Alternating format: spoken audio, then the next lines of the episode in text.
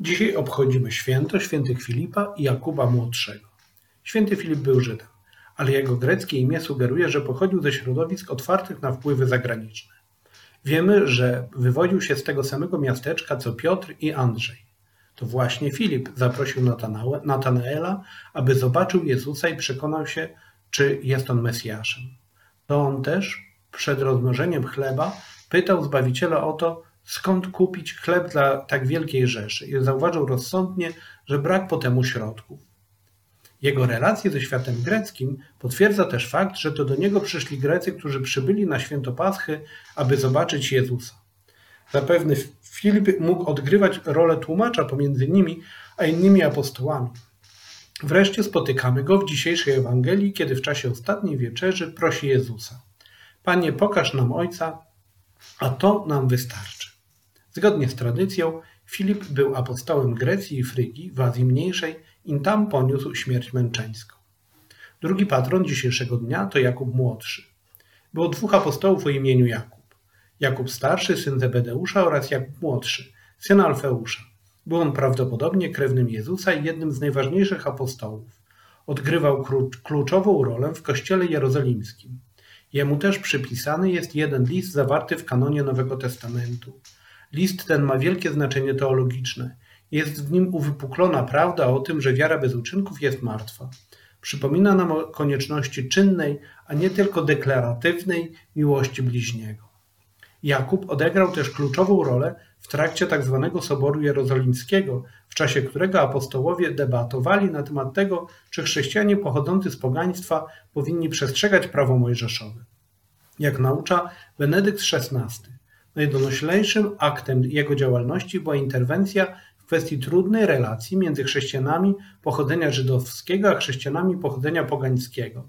Przyczynił się on razem z Piotrem do przezwyciężenia, albo lepiej do zintegrowania oryginalnego wymiaru chrześcijaństwa z wymaganiami nie nakładania na nawróconych pogan konieczności poddania się wszystkim normom prawa mojżeszowego. Jest dla nas więc ten apostoł wzorem, jeśli chodzi o znajdowanie mądrych kompromisów, płynących z Ducha Świętego. Zgodnie ze świadectwem Józefa Flawiusza, y, historyka żydowskiego z I wieku naszej ery, święty Jakub został ukamieniowany na polecenie najwyższego kapłana żydowskiego Ananiasza w roku 62. Dzisiejsza Ewangelia, w której święty Jan relacjonuje rozmowę pomiędzy Jezusem a apostołami, zwłaszcza Filipem, jest niezwykle bogata w treści. Nasz Zbawiciel mówi: Ja jestem drogą i prawdą i życiem. Nikt nie przychodzi do Ojca inaczej jak tylko przeze mnie. Gdybyście mnie poznali, znalibyście i mojego Ojca, ale teraz już go znacie i zobaczyliście.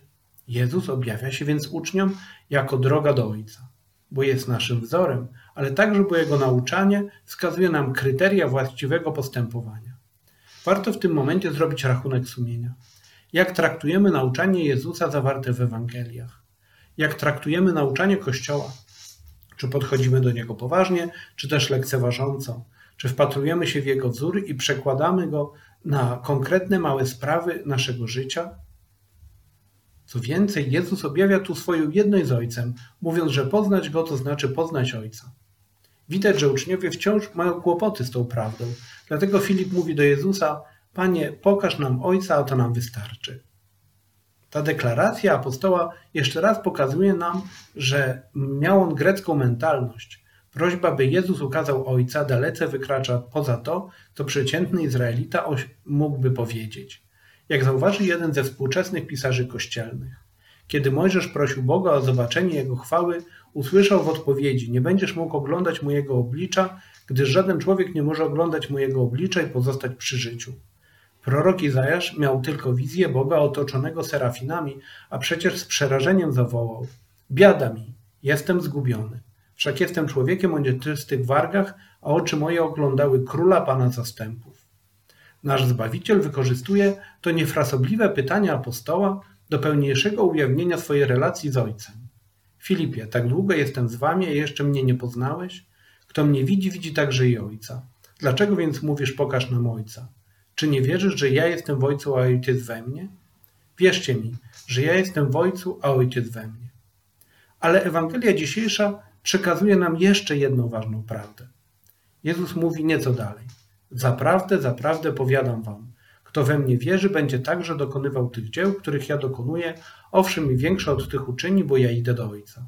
O cokolwiek prosić będziecie w imię moje, to uczynię, aby Ojciec był otoczony chwałą w Synu. O cokolwiek prosić mnie będziecie w imię moje, ja to spełnię. Warto, żebyśmy uwierzyli na serio, że Bóg spełnia nasze prośby i że możemy być naprawdę skutecznymi narzędziami w Jego ręku, jeśli naprawdę będziemy wierzyć. Ale potrzebna jest nam do tego wytrwała modlitwa.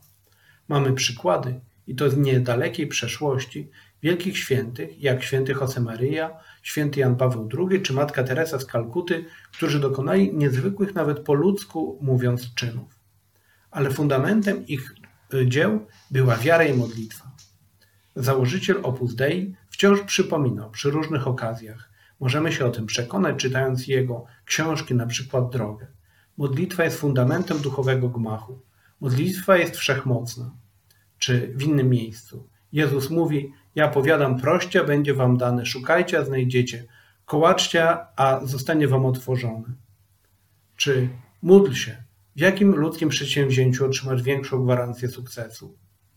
Pamiętajmy, że osobista modlitwa, ale też zwłaszcza modlitwa wspólnotowa w rodzinie, objawiająca jedność Kościoła i komunię świętych, ma ogromną moc. Warto jest może, żebyśmy podjęli konkretne postanowienia, abyśmy w obliczu zarówno obecnej epidemii i trudności z niej wynikających, jak i we wszystkich innych sytuacjach po ludzku, pozytywnych lub negatywnych, zawsze pamiętali o Bogu i do Niego się wytrwale modlili, nie zniechęcając się pozornymi trudnościami.